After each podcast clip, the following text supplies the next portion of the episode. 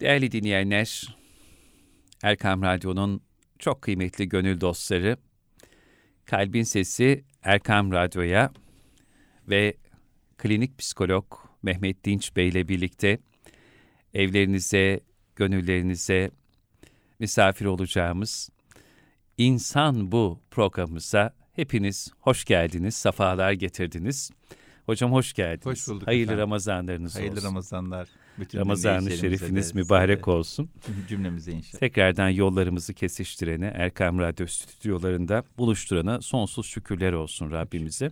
Nasıl geçiyor hocam Ramazanınız? Önce oradan başlayalım. Ramazan başlı başına bir sükunet, bir sekinet hali. Yani e, şimdi bizim dilimizde çok güzel kelimeler var. Mutluluk üzerine çalışıyor işte psikoloji falan ama mutluluk böyle çok tasvip edilen her zaman olabilecek bir şey değil. Zaten Değil. nitekim psikolojinin mutlulukla ilgili çalışmalarını hemen felsefeciler karşı duran Hmm. çalışmalar da yaptılar. Çünkü mesele mutluluk meselesi değil. İnsan her daim mutlu olamaz. Bu dünyaya hep böyle mutlu olalım diye gönderilmedik. Ama her daim huzurlu olabilir. Her daim sükunet halinde, sekinet halinde olabilir. Sekinet hali huzurun bir basamak üzeri. Ee, Ramazan bu sekinet halini çok fazla gayret göstermeden size lütfediyor. Yani Evet. normalde bu sekinet halini kazanabilmek için, huzurun da üstünde sekinet halini kazanabilmek için insanın gayret etmesi, mücadele etmesi gerekiyor. Özellikle şehir hayatında stresi var, koşturmacası var, osu var, busu var. Ee, ekstra bir gayret, ekstra bir efor gerektiriyor. Ama Ramazan bir anda lütfediyor size, veriyor Evet, bol bol böyle evet. bereketli bir şekilde, cömert bir şekilde sekinet halini veriyor. Hele ki bu dönemde evdeyiz. Ee, daha az strese muhatap olabiliriz. Böyle bir Evet. sistem kurarsak. Daha az sıkıntı yaşayabiliriz. Dolayısıyla daha böyle istediğimiz gibi daha az mazeretimizin olduğu Ramazan programı yapmamak için daha az mazeretimizin olduğu bir Ramazan yaşayabiliriz. O da olursa e, bu sekinet hali Ramazan boyu Evet. devam eder inşallah. İnşallah. Açlığın en çok yakıştığı zaman Ramazan. Böyle bir tabir okudum ve Hmm. çok hoşuma gitti hocam. Yani açlığın insana en çok yakıştığı ve o huzur ve sekinet halini bütün hücrelerinde, zerrelerinde e, ve fark etmiyor günün hangi saatinde olursa olsun ama hasreten iftara böyle artık sayılı dakikaların kaldığı demlerde o melekleşme provasını iç dünyanızda sanki hissediyorsunuz Hı hı. hocam. Hı hı. Bilmiyorum farklı bir duygu. Evet. Başka mevsimde bu kadar huzur, bu kadar Tabii. sekinet olmuyor. Evet. Halbuki her akşam akşam ezanı okunuyor ama Ramazan'da nasıl oluyor bilmiyorum. Kesinlikle bir e, sırrı var. Zamanın sırrı var, mekanın sırrı var. O sırlara aşina olmaya Hmm. çalışmak lazım. O sırları insanın kalbini açabilmesi lazım. Dolayısıyla Ramazan'ın da böyle bir sırrı var. O sırrı ne kadar keşfedebilirsek Hmm. o kadar iyi geçecek Ramazanımız inşallah. E, bu dönemde Halit Fahri Ozansoy diye bir Hmm. yazarımız vardı. Evet. Cumhuriyet tarihinde onun bir yazısını okudum Ramazan'la Hmm, alakalı. hmm. Diyor ki benim çocukluğumda diyor Ramazan diyor herkesin kalbinin pırpır ettiği bir dönemdi diyor. Ve diyor o kadar güzel geçerdi ki diyor Ramazan'ın sonlarına doğru herkesin suratı asılırdı diyor. Gidecek Ramazan diye, ayrılacağız Evet, diye. evet. Seneye görüşebilecek miyiz, görüşemeyecek miyiz bilemediğimiz bir süreç var. Bir de 11 ay bekleyeceğiz yani. Ee, son teravihlerde elveda ey Hmm. şehir Ramazan Hmm. e, ilahileri okunurken diyor herkes ağlardı. diyor. Evet. evet. Bayrama girerdik bir sevinçli ama diyor bir yandan da kalbimiz buruk olarak kalırdı. Çünkü Ramazan'dan ayrılmış olurduk diyor. Ramazan'ı bu kadar sahiplenme söz konusuymuş. Ramazan'la bu kadar ilişki kurmak söz konusuymuş. O yüzden bu dönemde insanoğlu kalbini daralttıkça daralttı. Ve bu daralmadan eşya nasibini aldı. Zaman nasibini aldı, mekan nasibini aldı, hayvan nasibini aldı, dua nasibini aldı maalesef. Ve insan da nasibini aldı. Neticede e, kalbimizi o kadar daralttık ki ilk başta eşyayı, tabiatı, hayvanı attık kalbimizden. Sonra zamanı, mekanı attık kalbimizden. Sonra insanları atmaya başladık. Şimdi küçücük daptaracık bir yerde koyabiliyorsak kaç kişi, beş kişi, on kişi koyuyoruz. Bazıları maalesef onu da koyamıyor. Sadece Evet. kendini koyuyor kalbine. O şekilde yaşıyor. Halbuki ideal olan insanın kalbi sınırsızdır. Ve bu sınırsızlığı yakalayabilirse ne kadar genişletebilirse onu o kadar genişletsin zamana da dost olsun. Fethi Gemuhluoğlu'nun Evet, dostluk ne üzerine güzel. konuşması var ya kalbini genişletsin de zamana da dost olsun. Hmm. Ramazanla ilişki kurmuş olsun. Ramazanla bir hukuk geliştirmiş olsun. Ramazanla bir aşinalığı olsun. Ramazanla bir muhabbeti olsun. Ramazanla bizatihi herkesten hmm. bağımsız. Kendisi şahsi olarak, Ahmet olarak, Mehmet olarak, Ayşe olarak, Fatma olarak bir iletişim, ilişki kurmuş olsun.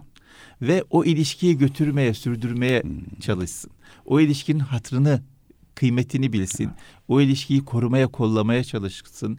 O ilişkiyi zenginleştirmeye çalışsın. Mesela biz ilişkilerimizi zenginleştirmek için ne yaparız? Ee, çok basit temel şeyler var hepimizin bildiği. Bir tanesi e, istekleri yerine getiririz. Yani bizden dostumuz bir şey isterse onun isteğini yerine getiririz. İkincisi hediye veririz. Mutlu etmek için, ilişkimiz zenginleşmek için hediyeleşiriz. Üçüncüsü onu dinleriz. Bize söylediklerini anlamaya, kulak vermeye, gönül vermeye çalışırız. Üç tane temel şeyi yapsak ilişkimiz inanılmaz şekilde kalitelileşir. Ramazan'la alakalı da bu üç şeyi yapalım. Hmm. Ramazan bize bir şeyler anlatmaya çalışıyor. Bir şeyler söylemeye çalışıyor. Bir şeyler Onu vermeye bir çalışıyor tabii. Bir dinleyelim, bir kulak verelim, bir gönül verelim. Ne diyor bize Ramazan? Bizden ne istiyor, ne bekliyor acaba? Bizden bir ricası var. Kendimiz toparlamamızla alakalı, kendimizi bir sisteme koymamızla alakalı, bedenimizin hapishane olduğunu fark etmemiz, yemeye içmeye muhtaç olmamamızla alakalı, yeme içme etrafında hayatımızı döndürmememizle alakalı e, bir şey söylüyor, bir isteği, bir talebi var. O şekilde hayatımızı düzenleyelim istiyor. Bir kulak verelim. Hediye getiriyor bize. Biz de ona bir hediye verelim. Bir sürü hediyesi var Ramazan'ın bize. Cömert cömert dağıtıyor bize. Biz Ramazan'a ne hediye vereceğiz? Ee, özellikle de böyle klasik her zaman yapmamız gerekenlerin ötesinde ne yapacağız? Hı. Mesela oruç tutacağız. O bariz bir şey. O bizim yükümüz, sorumluluğumuz. Onu yerine getireceğiz. İşte teravih kılacağız Hı. tamam. Ama bunun ötesinde benim Ramazan'la özel hukukumu korumak için bu Ramazan ben Ramazan'a ne hediye vereceğim? Ramazan-ı Şerif'e e, onun cömertliği karşısında nasıl mukabelede bulunmuş olacağım.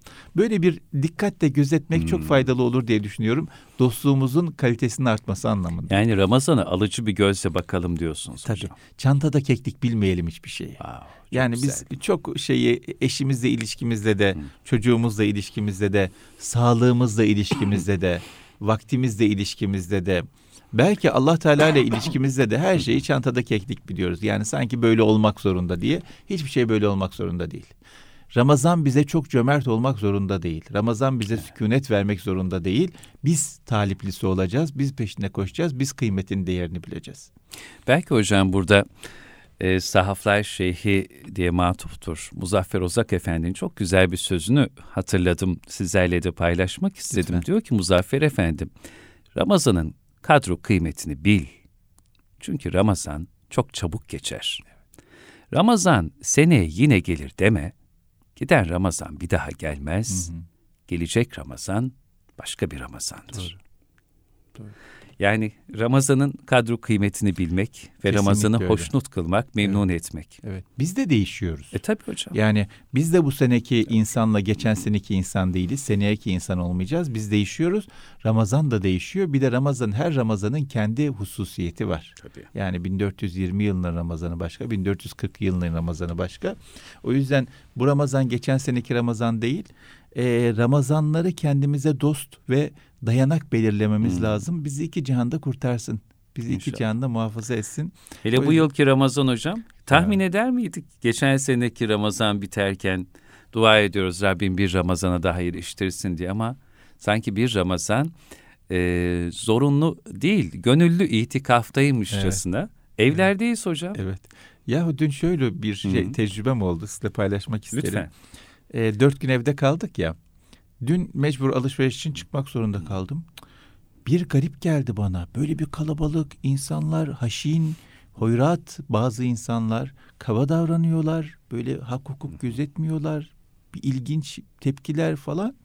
Dedim ki ya evde kalmak ne kadar güzel bir şeymiş. ne kadar sükunet veren bir şeymiş.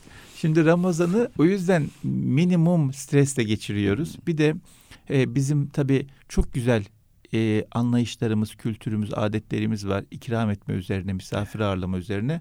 Ama ölçüsünü kaçırdığımız, hmm. yanlış anladığımız, amacından saptığımız noktalar da olabiliyordu. Bu Ramazan onlardan da kurtulduk. Hmm. Yani ölçüyü kaçırdığımız, Ramazan boyu e, gün gün içerisinde bütün günü yemek hazırlama peşine düştüğümüz misafir ağırlayacağız diye Evet. dertlerden, telaşelerden de arınmış olduk. Bir şey ikram edecekseniz işte ikra, Hı hı. ihtiyacı olan insanlara ikram edin. internetten veya kredi kartınız nereden ikram Hı edecekseniz. Ama evde e, gerçek Ramazan gündemini kaybedip de başka gündemleri yemek içmek gündemine kaybolmaktan korunmuş olduk bu Ramazan. Kıymetini bilmek lazım. Hakikaten bir lütuf. Evet. Gerçek Ramazan gündemini demek ki bu Ramazan daha böyle bir fark edip idrak ediyoruz. Ee, Evlerde geçirdiğimiz zamanlarda. Ama tabii e, insanız hocam. İnsan e, hatalarıyla, eksikleriyle, e, zaaflarıyla insan Rabbimiz e, bizleri çok farklı hususiyetlerde yaratmış. Ve şimdi bu diyelim ki dört gün sokağa çıkma kısıtlamasının olduğu bir haftayı geride bıraktık. Evde yaşıyoruz, ailemizle beraberiz. Bazen kardeşler kardeşlere, bazen eşler birbirine tahammül etmekte güçlük yaşayabiliyorlar. Evet, Ramazan ruhumuza bir sükunet, bir huzur hali getiriyor ama kolay bir şey değil. Sürekli aynı ev ortamında, sürekli Tabii. beraber yaşayan insanların e, evet birbirini daha yakından tanımak gibi bir fırsatları da var. Ama e, birden şeyimiz değişti hocam, rutinlerimiz değişti Evet. ve iletişim problemleri yaşanmaya başlandı. Hı hı. Bunlara karşın sizin tavsiyeleriniz neler olur? Şimdi çok doğru. Dünyada da benzer e, karantinalar söz konusu olduğu için dünyadan da ilginç haberler geliyor. Hı hı. İşte bakıyorsunuz Çin'de karantina bittikten sonra boşanma oranları artmış. İnsanlar boşanmışlar. Evet. Niye? Bir arada kalma, kalınca bakmışlar ki tanıdığım insan bu değil. Başka bir insan ve ben bununla yaşayamam, tahammül edemem demişler. Fransa'dan, İngiltere'den, Avustralya'dan aile şiddetin çok ciddi arttığı yönde haberler geliyor. Allah saklasın. Amin. O yüzden hakikaten evde kalmaktan dolayı zorlanan çok sayıda insan var. Çocuğuyla ilişkisinden dolayı zorlanan, eşiyle ilişkisinden dolayı zorlanan, kardeşleriyle ilişkisi konusunda zorlanan insanlar var. Bu konuda tabii eee, şöyle bir şey diyemeyiz, zorlanmayın diyemeyiz. Tabii ki. Zorlanmak olmaz, niye zorlanıyorsunuz, zorlanacak ne var diyemeyiz. Zorlanacak bir şeyler vardır. Herkesin kendi hayat şartları var. Herkesin kendi imtihanları var. Dolayısıyla zaten dünya başlı başına her basamağı imtihan bir sistem. O yüzden zorlanmayın sözü hiçbir karşılığı olmayan anlamsız bir söz olur. Zorlanacağız. Ama mesele zorlanmak ya da zorlanmamak değil. Mesele şu. Zorlanma karşısında nasıl tavır alacağız? Nasıl tepki vereceğiz? Bize yakışan ne olacak? Bizim değerlerimiz bize nasıl davranmamızı e, ta- söylüyor? Bizi nasıl davrandırıyor? Bizi nasıl insanlar haline getiriyor? Bizi nasıl şekillendirmiş? Onları test etme imkanı bu dönem. Şimdi bir zorlanma söz konusu, bir imtihan söz konusu, bir sıkıntı söz konusu.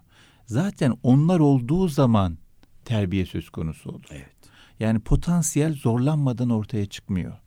Bir potansiyelimiz varsa, bir cevherimiz varsa bu zorlanmayla beraber ortaya çıkacak. O yüzden şu anda zorlanıyoruz, ilişkilerimizde zorlanıyoruz.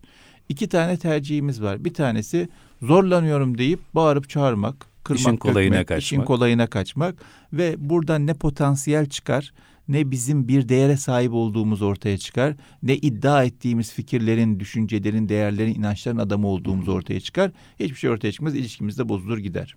Ya da bir zorlanıyorum, bu zorlanma ile alakalı sağlam nasıl dururumun derdine düşmek lazım.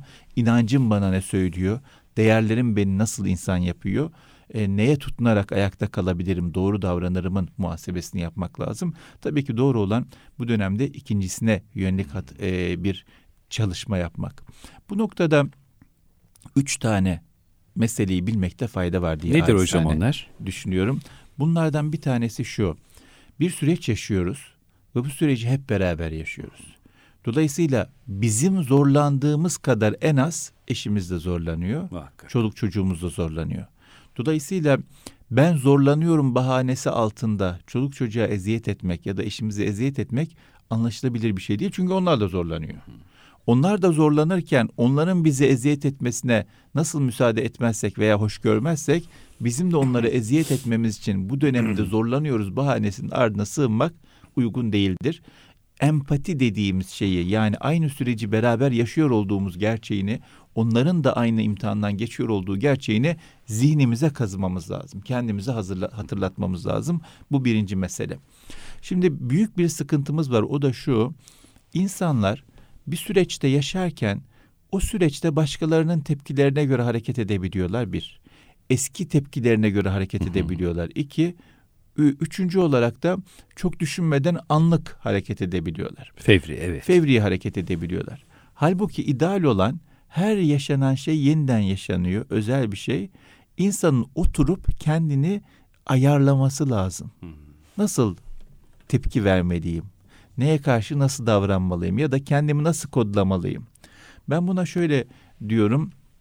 İnsan her gün uyandığında yeniden niyetlenmesi lazım nasıl bir insan olacağına dair.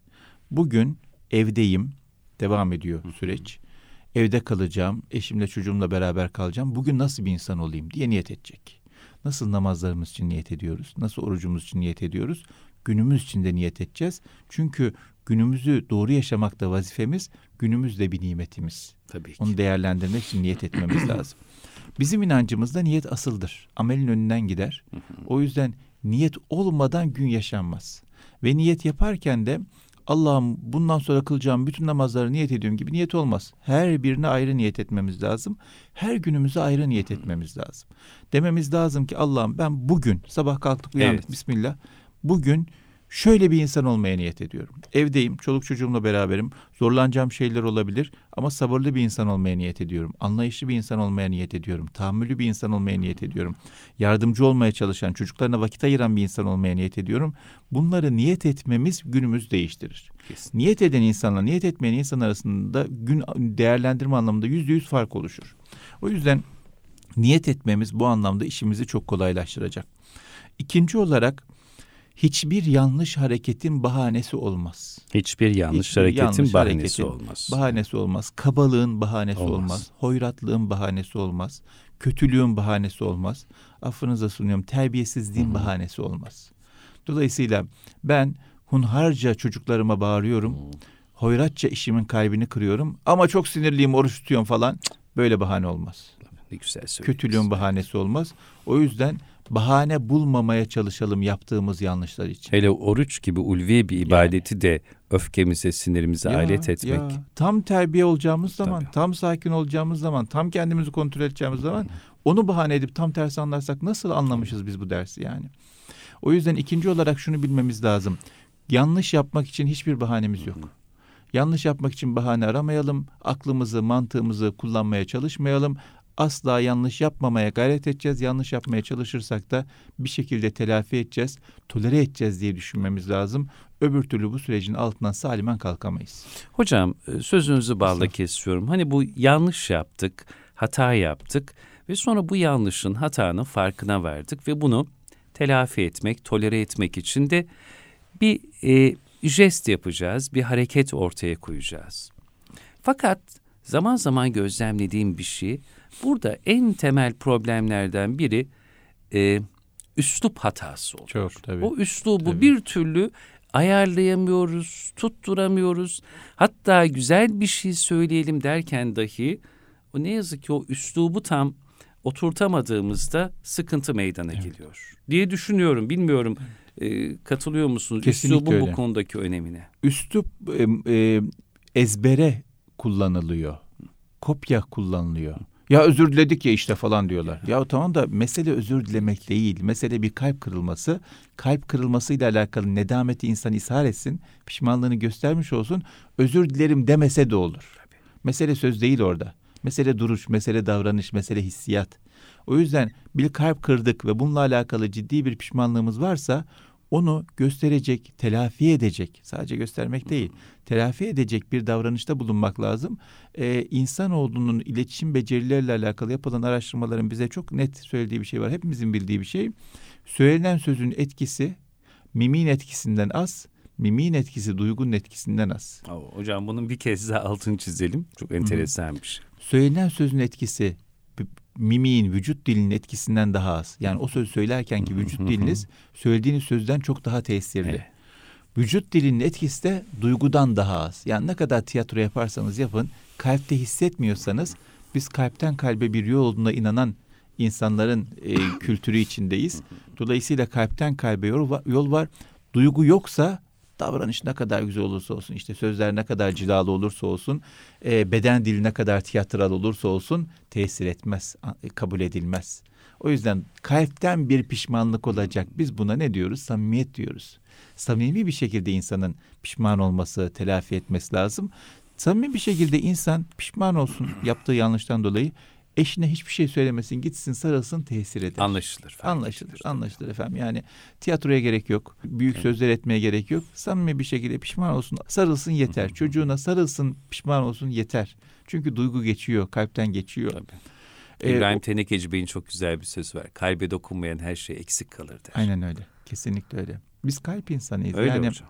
insanı insan yapan kalbidir. Yoksa sistem anlamında aynı sistem bitkide de var.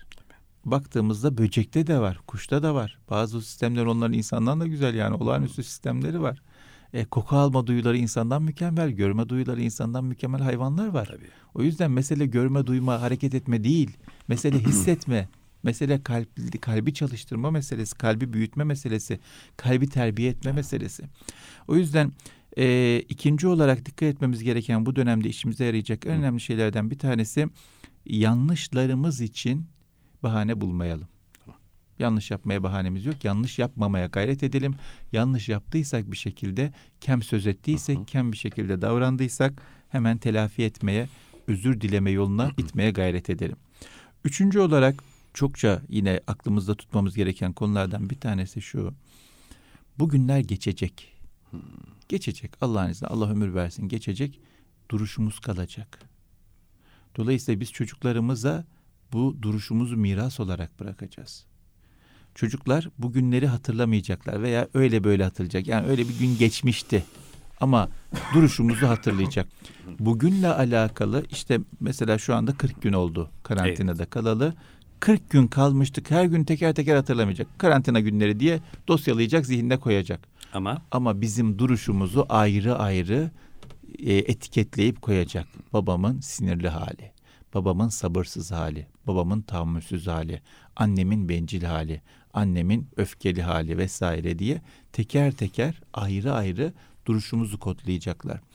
Duruşumuzu kodladıktan sonra da bir bize karşı duruşları bizim duruşumuz şeklinde olacak. İkincisi onu miras olarak alıp kendi hayatlarında da uygulayacaklar. Yani hayatı böyle kodlayacaklar. Çünkü çocuklar hayatı büyük oranda özellikle ilk yaşlarda anne babadan öğreniyorlar. Yani doğarken hayatta şöyle davranılır, böyle öfkelenir falan diye bir e, yazılımları yok. Bakıyorlar, gözlüyorlar, taklit ediyorlar. Sonra içselleştirip davranışa dönüştürüyorlar. O yüzden çocuklarımıza e, iyi bir miras bırakmak istiyorsak bu dönemde nasıl davrandığımız çok önemli. Çocuğa bir tek mal mülk han hamam bırakılmaz. Çocuğa duruş bırakılır, davranış bırakılır, değer bırakılır, ahlak bırakılır. O yüzden biz çocuğumuza iyi bir ahlak bırakmak istiyorsak süper baskılı kitaplar okutarak, okuyarak, okuması için zorlayarak çocuklarımıza güzel bir ahlak bırakmayız. o ahlakı davranışa dönüştürerek bırakırız. Ve o ahlakla alakalı da esasında e, olağanüstü şeyler bilmeye gerek yok. Yani iki üç tane ahlaki değeri çok iyice sindirmek bize kifayet edecek. Baktığımızda işte mesela benim çok dikkatimi çeken bir gerçek vardır. Ee, Hazreti Ebubekir Efendimiz bütün Müslümanların asırlar boyunca bildiği hayran olduğu insan herkesin ortak olarak onunla bildiği iki tane çok bariz özellik var. Nedir efendim onlar? Cömertliği, sadakati. Hazreti Bekir'den dedi. Üçüncü bir şey çok akla gelmiyor. Ama herkes sadakatine hayran. O inanılmaz öne çıkmış. Öbür değerleri yok muymuş? Varmış. Ama bu bir değeri o kadar mümeyyiz vasfı haline gelmiş ki o kadar onunla özdeşleşmiş ki Hazreti Bekir deyince bütün dünya asırlar boyunca sadakati biliyor. Hazreti Ömer dediğimizde adaleti biliyor. Hazreti Ali dediğimizde ilmi biliyor. Hazreti Osman dediğimizde hayayı biliyor. Dolayısıyla o kadar özdeşleştirmişler, o kadar özdeşleşmişler ki iki tane değerle özdeşleşmişler. Öteki değerler var Ama bunları çok ciddi olarak kuşanmışlar. Hmm. Her sözlerine, her konuşmalarına, her davranışlarına yansımış, tesir etmiş. O yüzden bu Ramazan'la alakalı mesela dedik ya Ramazan'a bir hediye verelim. bu Ramazan farklı olsun diye. Belki bu Ramazan özellikle bu dönemlerden geçerken şunu bir düşünmemizde fayda var. Benim mümeyyiz vasfım, değerim ne olacak? Hangi değerle bilineceğim? Ben bu dünyadan gittiğimde eşim, çocuğum, dostum benimle alakalı ortak olarak hangi değere e, sığınacaklar, hangi değeri hatırlayacaklar? Hepsinin aklına gelen ortak değerim ne olacak? Ben bununla nasıl özdeşleşebilirim? Nasıl bunu yatırım yapabilirim? Buna yatırım yapabilirim? Nasıl her halimde bunu gösterebilirimin peşine düşmemiz çok çok iyi olur. Çünkü ben böyle yaşım ilerledikçe şunu görüyorum. İnsanın e, olağanüstü fazla sayıda bilgiye ihtiyacı yok doğru yaşamak için az sayıda doğru bilgiye tutunması, dayanması, sindirmesi, özümsemesi yeterli.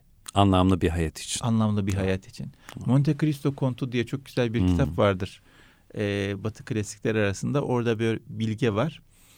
Diyor ki adam çok böyle bilen, sindirmiş bir adam. İnsanın diyor bu dünyada 20 tane seçilmiş kitabı tekrar tekrar okuması kifayet eder diyor doğru yaşaması için diyor. Amin. Yani on binlerce cilt, yüzlerce cilt kitap değil, hmm. haber değil, e, bilgi değil. 20 tane iyi seçilmiş kitap yeter diyor. E biz bir tane seçilmiş kitabımız var çok şükür hediyemiz, lütfumuz. O yeter diyoruz. Ama mesele şu. İşte yüzlerce değere sahibim diye iddialarda bulunmak değil. Bir tane değere baştan aşağı tutunmak. Her yerde onun gözüm gözükmesi. Her yerde onun izlerinin, tesirlerinin fark edilmesi yeter. Herkes de farklı seyredebilir bu. Ee, ama bir taneye muhakkak e, sarılmamız lazım. Zaten şöyle bir şey vardır değerlerde birbirlerini çekerler. Hmm. Yani sabırlı bir insan kabalık yapamaz. Nezaketi de beraberinde Tabii. getirir. Tahammülü de beraberinde getirir. Gayreti de beraberinde getirir. Bir sürü güzelliği beraberinde getirir. Cömert bir insan bencil olamaz. olamaz ya adam cömert Tabii. yani bencil nasıl olacak? Bir değere sahip olduk mu zaten beraberinde bir sürü değer otomatik olarak gelecek. O yüzden e, bir değere, iki değere, üç değere sarılalım, hususen sarılalım, anlamaya çalışalım, öğrenmeye çalışalım, talim tedris edelim. Yani e, onu da çantada keklik görmeyelim. Sabır, ben zaten biliyorum sabır ne demek değil. Sabır kelimesi nereden geliyor, ne anlama geliyor, nerede kelime kökeni neymiş, nerede karşılık bulmuş, farklı dillerde nasılmış, e, Peygamber Efendimiz nasıl sabretmiş, büyüklerimiz nasıl sabretmiş, sabırla alakalı atasözlerimiz neler, sabırla alakalı hikayelerimiz neler, sabırla alakalı şarkımız var mı? Bunlara bunlara bunlara bakıp insanın kendini sabırla alakalı şayet kendine o değeri seçtiyse beslemesi lazım. Sabırla alakalı bir talimden, terbiyeden geçmesi lazım. Başka bir değer seçtiyse onunla alakalı talim, terbiyeden geçmesi lazım ama... Adeta o değerde bir derinleşme kesinlikle öyle. ihtiyacını duymak evet, gerekiyor. Evet, yüzeysel olarak sahip Doğru. olduk iddiası Doğru. yetmiyor. yetmiyor. Ne oluyor? O zaman işte insan e, ahlakını terbiye edememiş oluyor. E, tekrar eski ezberlerine dönüyor veya hakim olan davranışlara dönüyor. Yani bakıyorsunuz adam camide harikulade bir insan. İşte ön safa geçsin diye şey yapıyor. E, ikramda bulunuyor. Hmm. Ondan sonra milletin ayakkabısını çeviriyor. Tespihi katlayıp veriyor falan. Atmıyor, dikkat ediyor falan. Harikulade dikkatli bir adam. Caminin bahçesine çıkıyor, bağırıyor birine. Veya arabaya biniyor, hmm. birisini solluyor veya işte sıkıştırıyor falan. E ne oldu? Sen demin terbiyeli adamdan, ahlaklı adamdan, kalp kırmamaya çalışan adamdan ne oldu? Ezber bozuldu. Niye? Sindirmemiş. Çalışmamış buna. Çalışmamış buna. O yüzden çalışmamız lazım, sindirmemiz lazım. Değerlerle özümse, özümsemeye gayret etmemiz, eşleştirmemiz lazım kendimize. Bu Ramazan'ın hediyesi bize bu olsun, bizim Ramazan'a hediyemiz bu olsun. Bu e, dönemden daha güzel bir insan olarak çıkmaya gayret edelim. Çünkü e, her geçen Ramazan gidiyor gelmemek üzerine evet. ve bizim daha ne kadar Ramazan göreceğimiz belli değil. Ne zaman öleceğimiz belli değil olmadan ölmeyelim. Olalım, olmaya gayret edelim. Bu dünya olmaya çalışmamız evet. için, olma yolunda olmamız için bir fırsattır. Olma yolunda olmadan ölmeyelim, yazık olur ömrümüze. Ne güzel söylediniz. İsmail Lütfü Çakan hocamızın buradan çokça selamı olsun.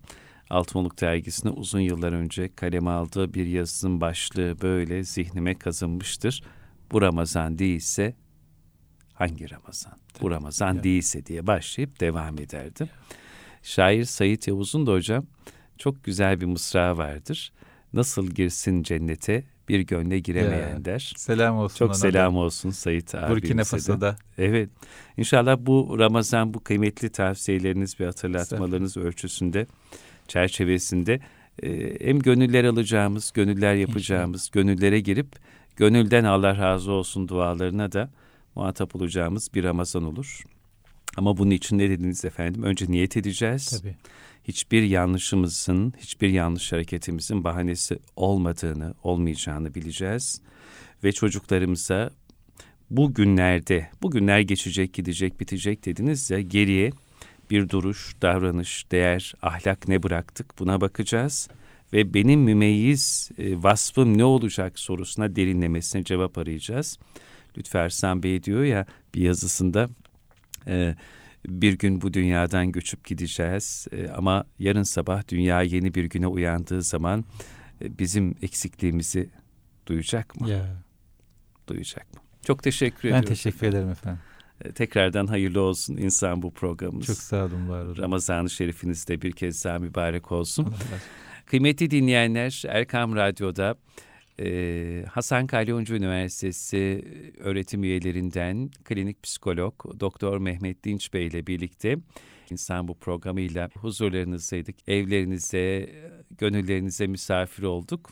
Programımıza, programlarımıza göstermiş olduğunuz alaka için tekrar çok teşekkür ediyoruz. Bizler adına bir kez daha Mehmet Dinç Bey'e çok teşekkür ediyor ve sizleri Allah'a emanet ediyoruz. Kulağınız bizde olsun. Hoşçakalın.